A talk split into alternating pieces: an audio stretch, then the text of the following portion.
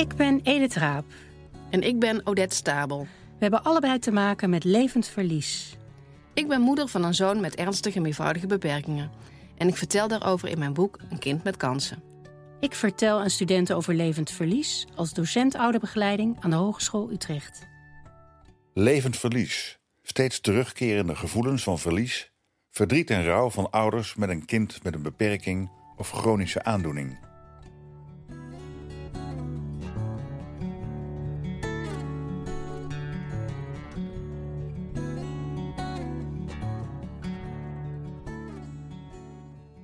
Vandaag spreken we Anne Gering en Johan Zonneschijn.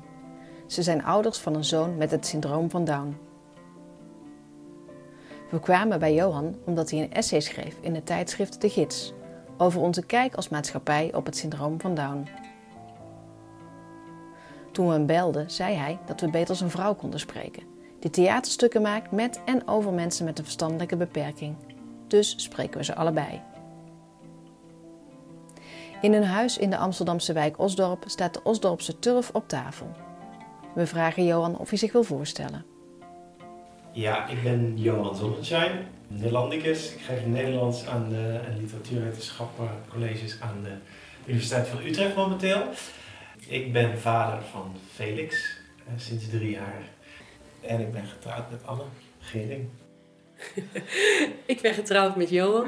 Uh, ik heet Anne Gering. Ik ben opgeleid als acteur aan de Amsterdamse Toneelschool. Ik heb een eigen theatergezelschap. Maar eigenlijk de afgelopen jaren ben ik veel meer projecten ook gaan doen. Inmiddels rondom inclusie. Uh, of rondom mensen met een verstandelijke beperking. Of wat het is om een verstandelijke beperking te hebben. Ik geef ook af en toe trainingen, presentatietrainingen. Uh, maar ik ben ook heel veel tijd moeder van Felix. En hoe is het om moeder van Felix te zijn? Um, dat is heel fijn, want Felix is een, is een prachtig kindje dat uh, lachend de dag begint en, en eindigt. En die um, blij is, die een goed leven heeft, die veel contact maakt. In het begin vond ik het heel ingewikkeld om moeder van Felix te worden, of vooral moeder te worden van een kindje met een beperking. Ik vond dat echt, overviel me. Maar inmiddels zijn we drie jaar verder. Felix heeft vorige week zijn derde verjaardag gevierd en gaat het gewoon eigenlijk heel goed. Ja. Kan je iets vertellen over hoe het jou overviel? Waarom ja, dat kan. Um, we hadden ervoor gekozen om, om niet de NIPT te doen. En dat was een beslissing die we wel overwogen namen, maar niet met het idee van, nou, dan krijgen we vast een kindje met een beperking. Ik dacht, ik heb gewoon vertrouwen over wat er in mijn buik groeit. Dat was het eerste kindje. En een uur nadat Felix werd geboren, toen kregen we te horen dat de artsen stonden toen aan ons bed en die zeiden, we hebben heel sterk het vermoeden dat Felix het syndroom van Down heeft.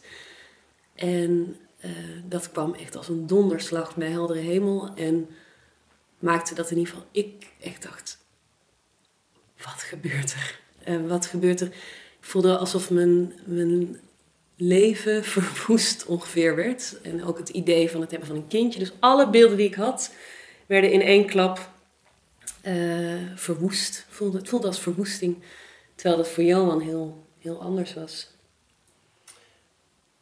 Ja, ik stond erbij en keek er in die zin dat ik uh, Felix uh, bekeek als een vreemd nieuw wezentje. Waarvan ik nog niet wist wat het met mijn leven zou gaan doen. En dat hij het syndroom van Down had. maakte het alleen maar nieuwer en vreemder. want ik wist daar niks van wat dat is en wat dat zou gaan betekenen uh, voor onze toekomst. En waar ik ook verder geen beelden van had, zo ben ik, niet. Ik, ik, denk niet goed vooruit. Uh, en dat kwam nu van pas, want ik hoefde ook niks af te breken, want er stond nog niks uh, overeind. Ja. ja, en ik merkte dat ik eigenlijk onbewust dus blijkbaar heel veel beelden had over het hebben van, dat, van een kindje. En dat die beelden ja, in de war geschopt werden. Waardoor ik ook dacht in het begin, ik moet hier vanaf. Hoe kan ik hier vanaf? En langzaamaan daarin ging groeien. Ik ging uh, dat onderzoeken wat er in mij gebeurde. En merkte ook dat ik al veel meer van het kindje hield dan dat ik zelf door had. Dus Johan die zei op een gegeven moment...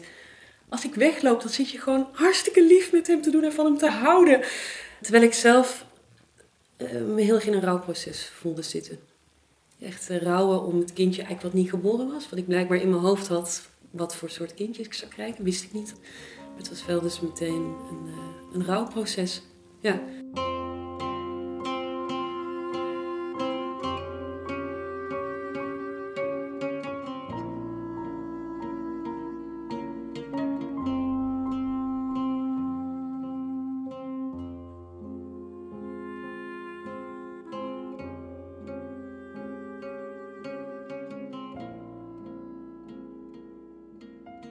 En hoe was dat voor jou om te zien bij Anne?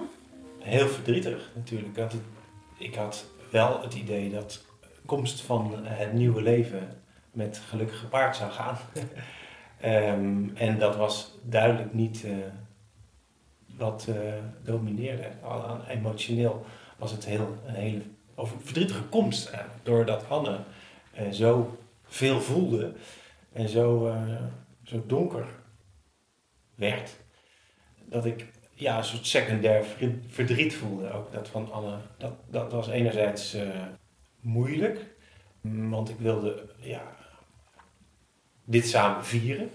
Anderzijds gaf het mij meteen een heel heldere en mooie taak, namelijk kom maar op ventje, ik, uh, ik ben er ook nog. Ik, ik kon me letterlijk van Anne overnemen en vasthouden. En dat was toen ook mijn taak om de rust te bewaren en uh, te gaan zien uh, wat er op ons af zou komen met dit nieuwe leven. Ja, want mijn primaire reactie was toen we het hoorden, was ik had Felix vast en de primaire reactie was ik geef hem aan Johan, dan kan ik hem niet meer vasthouden. Later pakte ik hem natuurlijk terug, ik ging hem omhelzen, ik ging van hem houden en knuffelen, maar mijn eerste reactie was weg. Ja, en dat was voor mij gek genoeg wel fijn. Een soort opdracht.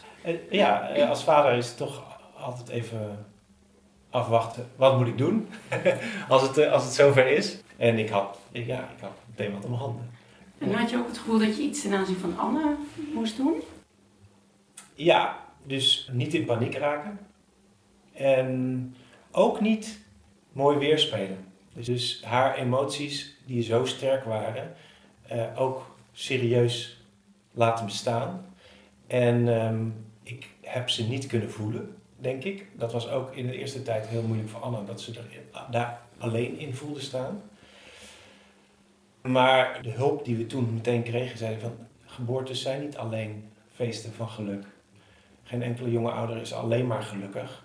En dat gaf mij ook de verzekering dat, dat we dit maar eens moesten uitzitten of zien. Wat we met deze nieuwe, dit nieuwe gegeven gingen doen. Het, was eigenlijk in één klap geconfronteerd worden met een grote vervreemding. Dus niet een identificatie met het kindje, maar een totale vervreemding. En daarna was het wennen aan hoe om te gaan met een vervreemding.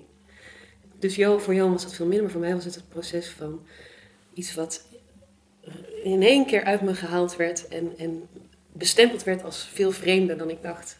Ik heb toen de eerste nacht, was, vond ik heel ingewikkeld. En de dag daarna gevraagd van, kunnen we hier psychische hulp bij krijgen? Want deze gevoelens zijn me vreemd. Dit, uh, dit is zo intens. En dat was eigenlijk wel mooi dat ook... Er kwam toen iemand aan ons bed met wie we gesproken hebben. En die zei, jullie beleven het allebei heel anders. Maar dat is oké. Het is oké, Johan. Jij staat er zo. Het is oké, Anne, dat jij er zo staat. Dit kindje heeft aan allebei deze visies wel iets. Dus ze ging het niet opheffen of ontvreemden, maar zeg het is oké dat die, ook dat verschil tussen jullie er is. En eigenlijk was dat wat we nodig hadden. Ja. Gewoon een, het is oké. Het komt wel.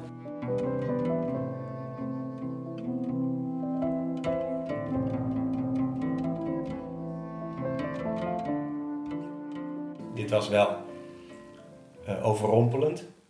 Maar toen ik zelf, als er een vriend even het ziekenhuis inkwam, even naar buiten liep en die vroeg: hoe is dit nou als je nou los van Anne, is het nou? Zei ja, ik vind het eigenlijk wel interessant. maar dat is bijna fluisterend. Want ja, nieuw was het wel en, en ongewoon. En dat, ja, daar hou ik ook wel van. maar dat durfde ik bijna niet te zeggen. Of dat durfde ik gewoon heel lang niet te zeggen. Ik trad een totaal nieuwe wereld in en jij Jij kreeg Felix. Of ja, je kan beter zelf vertellen. Precies, mijn nieuwe wereld, dat was Felix. Ja. ik had al het nieuwe zat. Uh, en ik moest, ik moest dat eens even daarvan bekomen, en, of niet bekomen. Ik ging dat ik, wil, ging dat toch stiekem vieren.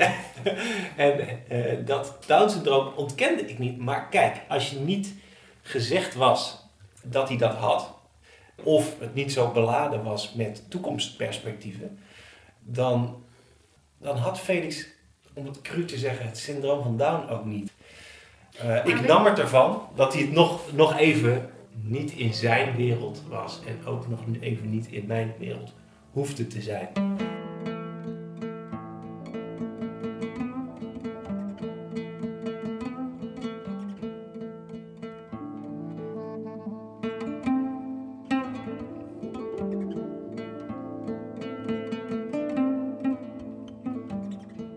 De bevalling moest ingeleid worden, omdat op een gegeven moment ze zagen dat mijn buik niet goed groeide.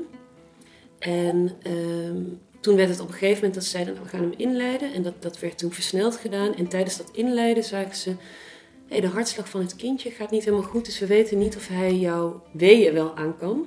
En toen had ik al een hele dag aan allemaal van die apparaten gelegen. En toen zeiden ze aan het einde van de dag, we gaan de nacht niet in. Dus we gaan een keizersnee doen. Dus ik, wanneer? Nu. En toen tien minuten later uh, werd die keizersnee gedaan. En toen werd het kindje dus op me gelegd en een uur later uh, kwam toen dit bericht. Dus het kwam ineens, ging het allemaal heel snel. Dus voor mij voelde het alsof er gewoon een kindje uit me werd getrokken. En dat was ineens heel vreemd. Dus, en daarover werd gezegd dat het ook nog eens het syndroom van Down had. Dus ik voelde me al vervreemd. Toen kreeg het ook nog eens dit stempel.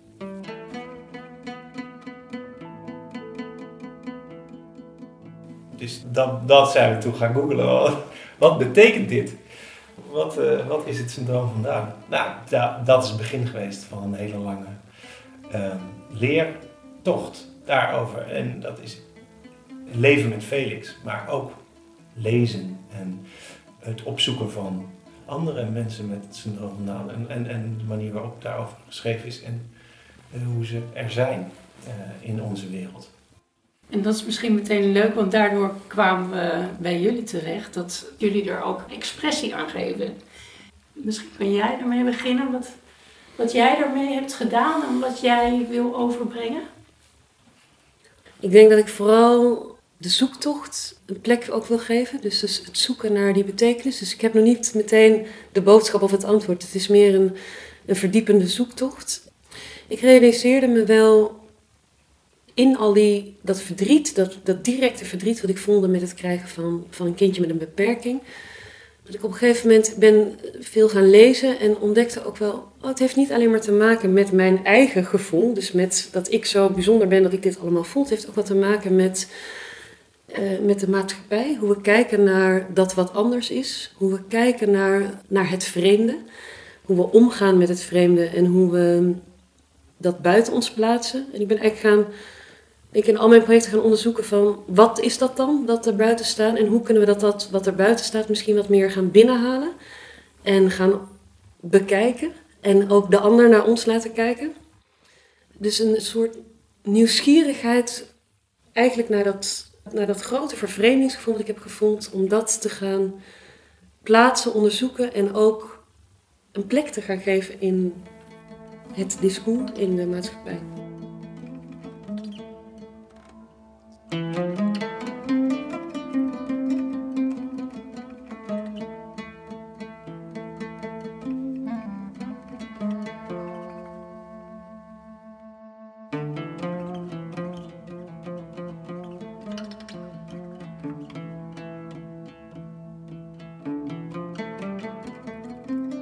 Anne vertelt dat ze samen met Vera Ketelaars een groot project heeft gedaan voor een zorginstelling. Daarin hebben mensen met en zonder verstandelijke beperking samen een kunstwerk gemaakt. Het ging hen daarin vooral om het proces. Het ging over. Hoe komt het toch dat het eigenlijk bijna niemand, überhaupt iemand kent met een beperking? Hoe komt het dat we wel praten over van iedereen hoort erbij, maar dat dat drempel of dat ongemak zo groot is? En wat gebeurt er als we mensen bij elkaar zetten en de tijd nemen om langer met elkaar om te gaan, dat je voorbij misschien dat eerste ongemak gaat? Ook is ze bezig met een theatervoorstelling, Down Underground. Jongerentheatergezelschap De Toneelmakerij werkt erin samen met theatergroep Lebel, met mensen met een licht verstandelijke beperking. Vanuit het idee dat dat ook dingen zijn weggestopt. Mensen met een beperking zijn weggestopt in de geschiedenis, weggestopt in uh, instituten, binnenshuisgehouden soms. Uh, dat er gekeken wordt naar mensen met een beperking. En eigenlijk wat wij willen is die blik veranderen. En laten zien, wij kijken ook naar jullie. En wij zijn niet mensen om naar te kijken. Wij zijn hele mensen die ook bijvoorbeeld bij de Jumbo werken. Of die uh, hobby's hebben die dingen ingewikkeld vinden. Wij zijn niet alleen maar happy, happy, down, down. Wij zijn ook hele complexe, ingewikkelde, gelaagde mensen. Dus uh, dat de blikrichting veranderen. En jij, Johan? Ja, ik heb heel lang down ook wel misschien een jaar, twee jaar een beetje geweigerd. Dus ik, eh, Anne las heel veel en reikte mij dat ook aan en zei: verdiep je er ook nou eens in? En ik schoof dat voor me uit. Ik dacht, dat komt wel. Eerst maar zien eh, wat Felix doet. niet om te kijken of hij het heeft of niet, maar uh, ja, uh, van binnenuit leren kennen. En ook Felix leren kennen en, en niet eerst het Down-syndroom en dan. Die volgorde. Wel met Anne over gepraat natuurlijk veel, uh, over haar gedachtenvorming. Ook om, ja, omdat ze zich wel erg eenzaam voelde als ouder, down-ouder daarin ja, de, de manier waarop ik er een beetje bij kwam was kunst met of over Down-syndroom. Want er is nogal wat gemaakt. Films, documentaires, boeken, fotoboeken, ehm, televisieprogramma's. En ik merkte dat ik sommige heel ontroerend vond en sommige zeer problematisch of afstotend. Dus die reactie van mij, van ons allebei, daar zijn we eigenlijk over gaan praten wat gebeurt daar eigenlijk als down wordt getoond? Waarom gaat het in de ene geval goed en in de andere geval mis? En daardoor raakt het ook mijn vakgebied. Ik schrijf altijd over literatuur, ik lees heel veel poëzie, daar, daar denk ik over na en daar, daar doe ik onderzoek naar. Dus dat, dat is mijn vak. Uh, dus dat, daar begon het een beetje te raken met hoe mijn uh, denken en mijn werk werkt.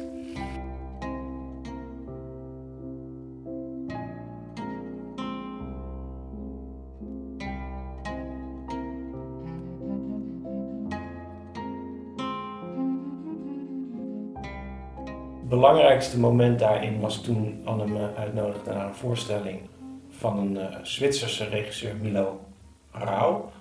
Dat was het, uh, een, uh, bewerking van een, van een film van Pasolini over het fascisme. En daar werden de, de, Italiaanse jeugd die daar wordt misbruikt door stel fascisten, wordt gespeeld door acteurs met een beperking.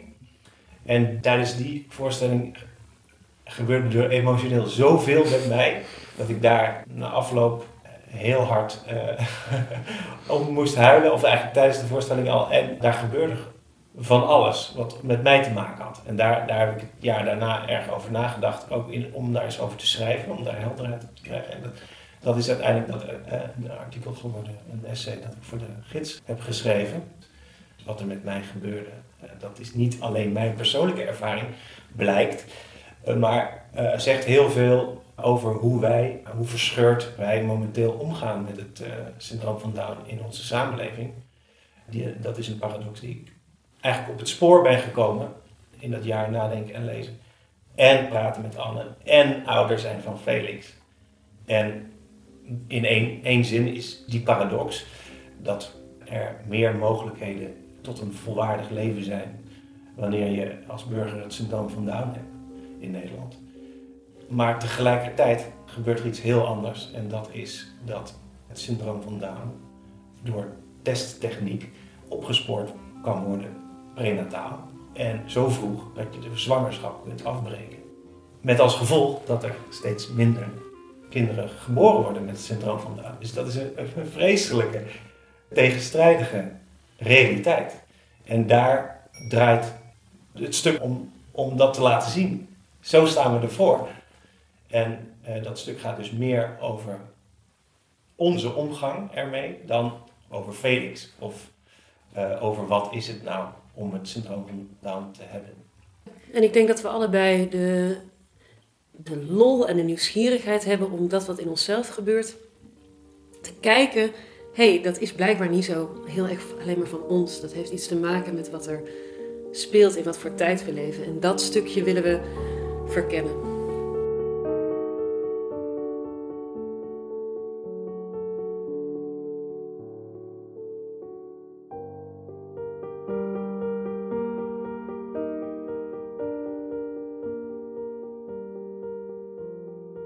En kan je nog vertellen wat jou zo ontzettend raakte in dat, tijdens dat theaterstuk?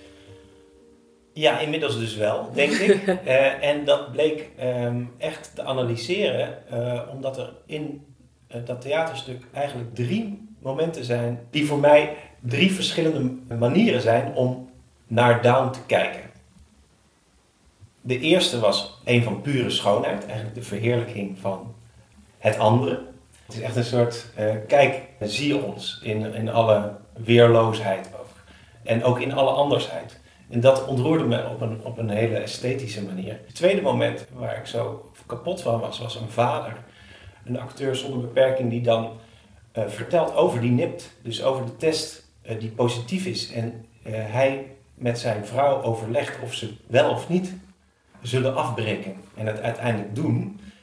En het aangrijpende is dat deze acteur huilend vertelt dat toen hij de gestorven vrucht zag, dacht, dat ben ik. Dus de andersheid werd opgeheven en uh, vervangen door herkenning. Dus uh, het is het, de reden om je kind niet geboren te laten worden omdat je vreest dat het te anders is, is een hele bange angst voor andersheid. En wat er zo aangrijpend was aan die scène is dat de herkenning overheerste.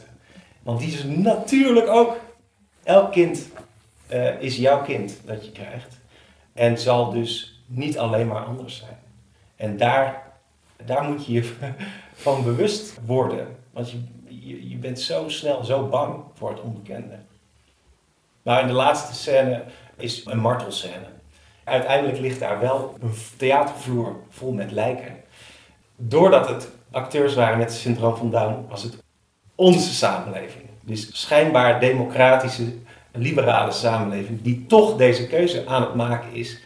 En zo noemde ik het direct na afloop, want ik moest er geweldig van huilen. Ik, ik, dacht, dit zijn, dit zijn we dus aan het doen. En ik, ik, ik heb het nu pas door, door dit toneelstuk. Doordat het gewoon gebeurt. Niet echt, maar, maar wel fysiek. En, zo, uh, zo werkt kunst dus blijkbaar. Dat het hardleerse onder ons, zoals ik zelf, die zelf verdorie een kind heeft met het syndroom van Down, dat die pas in het theater uh, een beurs zijn geschopt kunnen worden als er zoiets gruwelijks zich voltrekt. Zo uh, verdekt is het blijkbaar. En dat heeft mij, uh, ja, heeft mij zo grondig onthutst. al, al, alles bij elkaar dat ik er eindelijk toe kwam om, net als Anne, me dat eens een keer uit te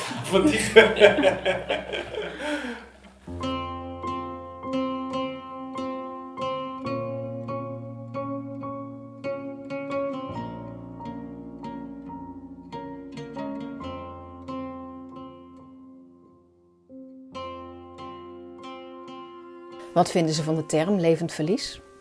Ik denk voor mijzelf de term levend verlies. Ik denk dat ik gewoon in het begin veel meer voor mijn gevoel alles verloor. En daarna ben gaan opbouwen en het veel meer zie als een soort avonturenreis waarin je soms heel veel dingen krijgt en dan weer geconfronteerd wordt met situaties die ingewikkeld zijn. Maar het is veel meer een golfbeweging.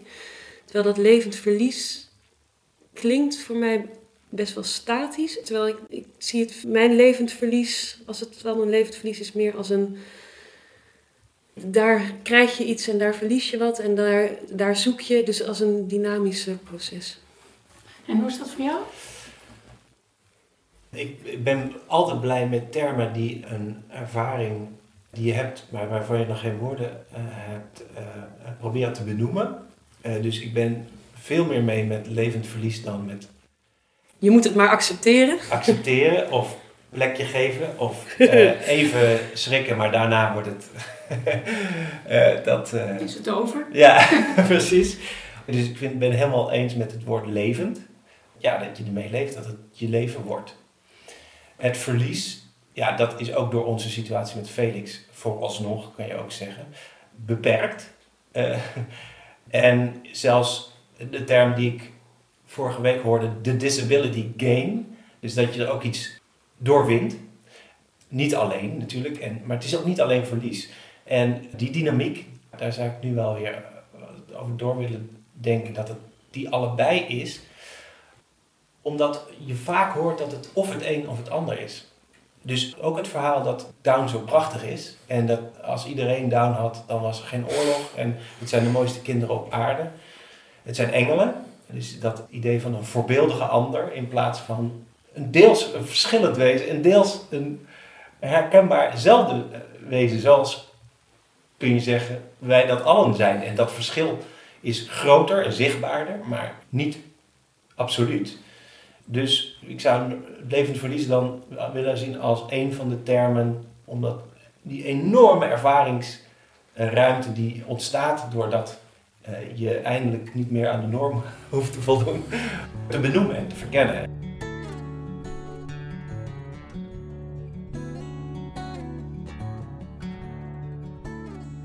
Anne zei een keer, voor het eerst van mijn leven behoor ik nu tot een minderheid.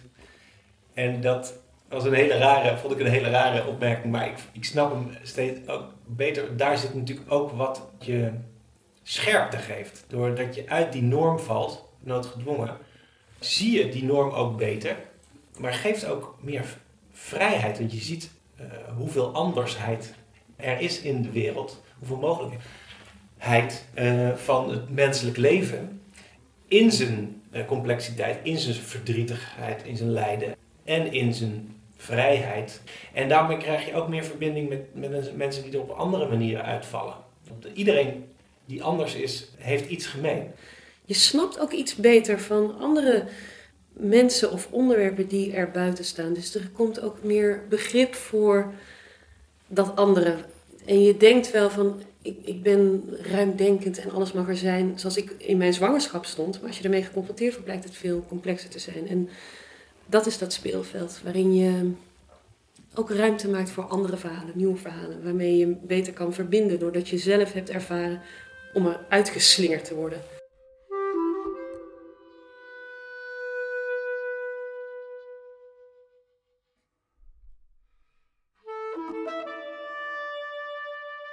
Het is ook herkenbaar. Ja, absoluut. Ja. En wat is herkenbaar? Nou, we, zijn, we staan pas aan het begin, maar we hebben natuurlijk al onze eerste stap in de uh, institutionele wereld. Dat is de, daar waar Felix niet alleen meer van ons is, maar ook om uit handen geven in iets wat al in de structuur die bestaat. Waarvan je natuurlijk meteen de vraag hebt, gaat het reguliere of het speciale? De eerste keer was na één jaar, denk ik, toen hij naar de crash ging.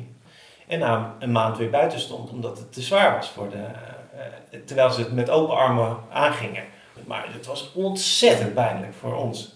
Want het eerste poging om hem mee te laten draaien in de, de gewone wereld was een totale uh, fiasco. En dat was puur gevoel voor verlies, ook omdat daar de angst ontstond dat dit ons nog een heel leven te wachten zou staan. En nu hebben we een positieve ervaring hier op de voorschool.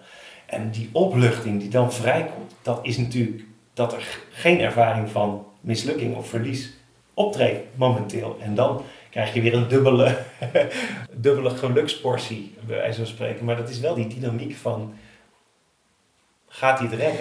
Ik merk dat ik heel vaak paraat sta om het ook voor mijn kind eh, dan op te gaan nemen. En vandaag had ik een gesprek op deze voorschool en toen zei de intern begeleider...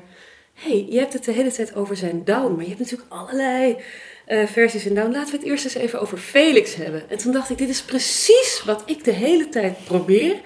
Maar blijkbaar ben ik dus ook een beetje geconditioneerd geworden dat ik mensen wil uitleggen wat er met Felix anders, ingewikkelder, trager, moeilijker gaat.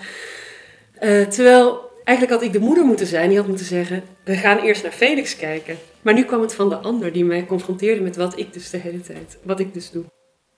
Ik kan ook levend verlies voelen en dat heeft Jan veel minder over dingen die in de toekomst gaan gebeuren. Ik kan al verdrietig worden bijvoorbeeld dat het voor Felix misschien lastiger zal zijn om uh, een partner te vinden. Omdat zijn beperking ook zichtbaar is dat er al werelden voor hem gesloten worden. Of hij zal lastiger mee kunnen komen. Hij zal uh, misschien eenzaam zijn omdat hij uh, moeilijker.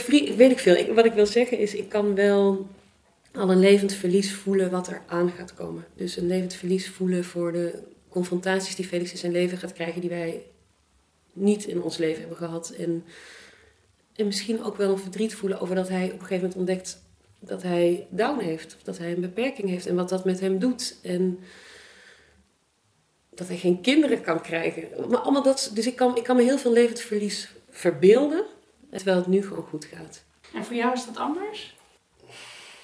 Dat is totaal anders, ja. ik, ik ben daar uh, helemaal niet mee bezig met die toekomst van Felix, omdat ik weet dat we daar niks over kunnen zeggen. En ja, dat is dus een, het geluk van die karaktereigenschappen die ik heb, die ook zeer veel nadelen heeft. Maar waar ik wel mee bezig ben, is die dynamiek van dat je enerzijds soms denkt dat je het de hele tijd over moet hebben. en anderzijds wil dat het niet bestaat. Dus dat je die gelijkheid juist wil benadrukken. En dan weer het verschil. En het moet er allebei zijn. En dan doet het soms wel pijn dat er niet genoeg aandacht is voor of uh, die gelijkheid of dat anders zijn. Ja, dus mensen kunnen ook zeggen, ja, maar alle kindjes die hebben het. Of alle kindjes zijn wel... En, alle, en dan heb je de neiging om te gaan benadrukken, nee, maar het is echt anders. En je hebt de neiging om het ook te gaan tegenkleuren.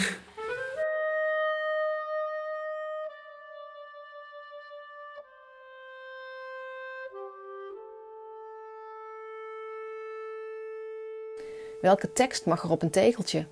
Ja, we hebben erover nagedacht en we, hebben, we dachten misschien moeten we dat tegeltje gewoon in de kast laten staan en dat we het vervangen door een spiegel.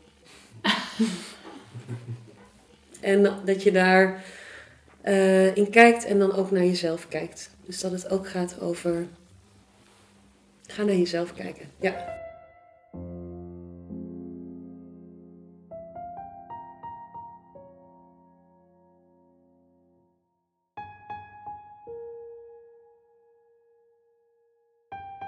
We praten nog even over de andere podcastafleveringen. En dat, dat is ook wel misschien een licht gevoel van ongemak bij mij althans. Of wij wel iets mogen zeggen in deze podcast. Of wij wel erg genoeg of zijn. Of wel, wel, wel ja. verleed, ja, of wij wel lijden op... Uh, als we horen verhalen, en dat, dat springen je de tranen direct in de ogen. En denk ik, man, wat hebben wij toch uh, ongelooflijk makkelijk. Door, door bij ons, doordat het ook in die zin mild is, geeft het dus ook ruimte om het te kunnen verkennen. Wij zitten niet alleen maar in pijn en verdriet en ingewikkeldheid. Dus, het, dus er is ook ruimte juist om nu op een gezonde manier op avontuur te gaan in deze wereld.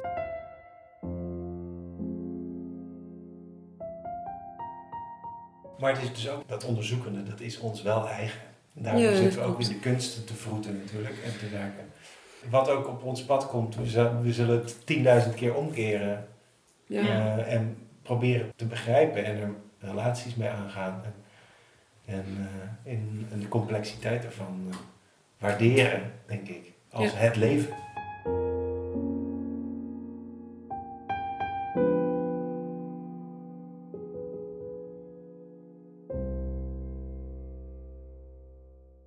Je hebt geluisterd naar Anne Gering en Johan Zonneschijn. Dit was aflevering 21 van de podcastserie Levend Verlies. De volgende keer praten we met Annemieke Wagemans, arts voor verstandelijk gehandicapten.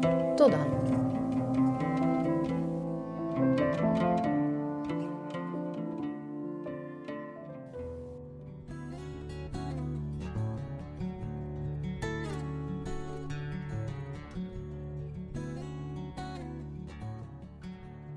Laatste zondag van de maand een gesprek over levend verlies. Ik ben Odette. Ik ben Edith. Abonneer je op onze podcast levend-verlies.nl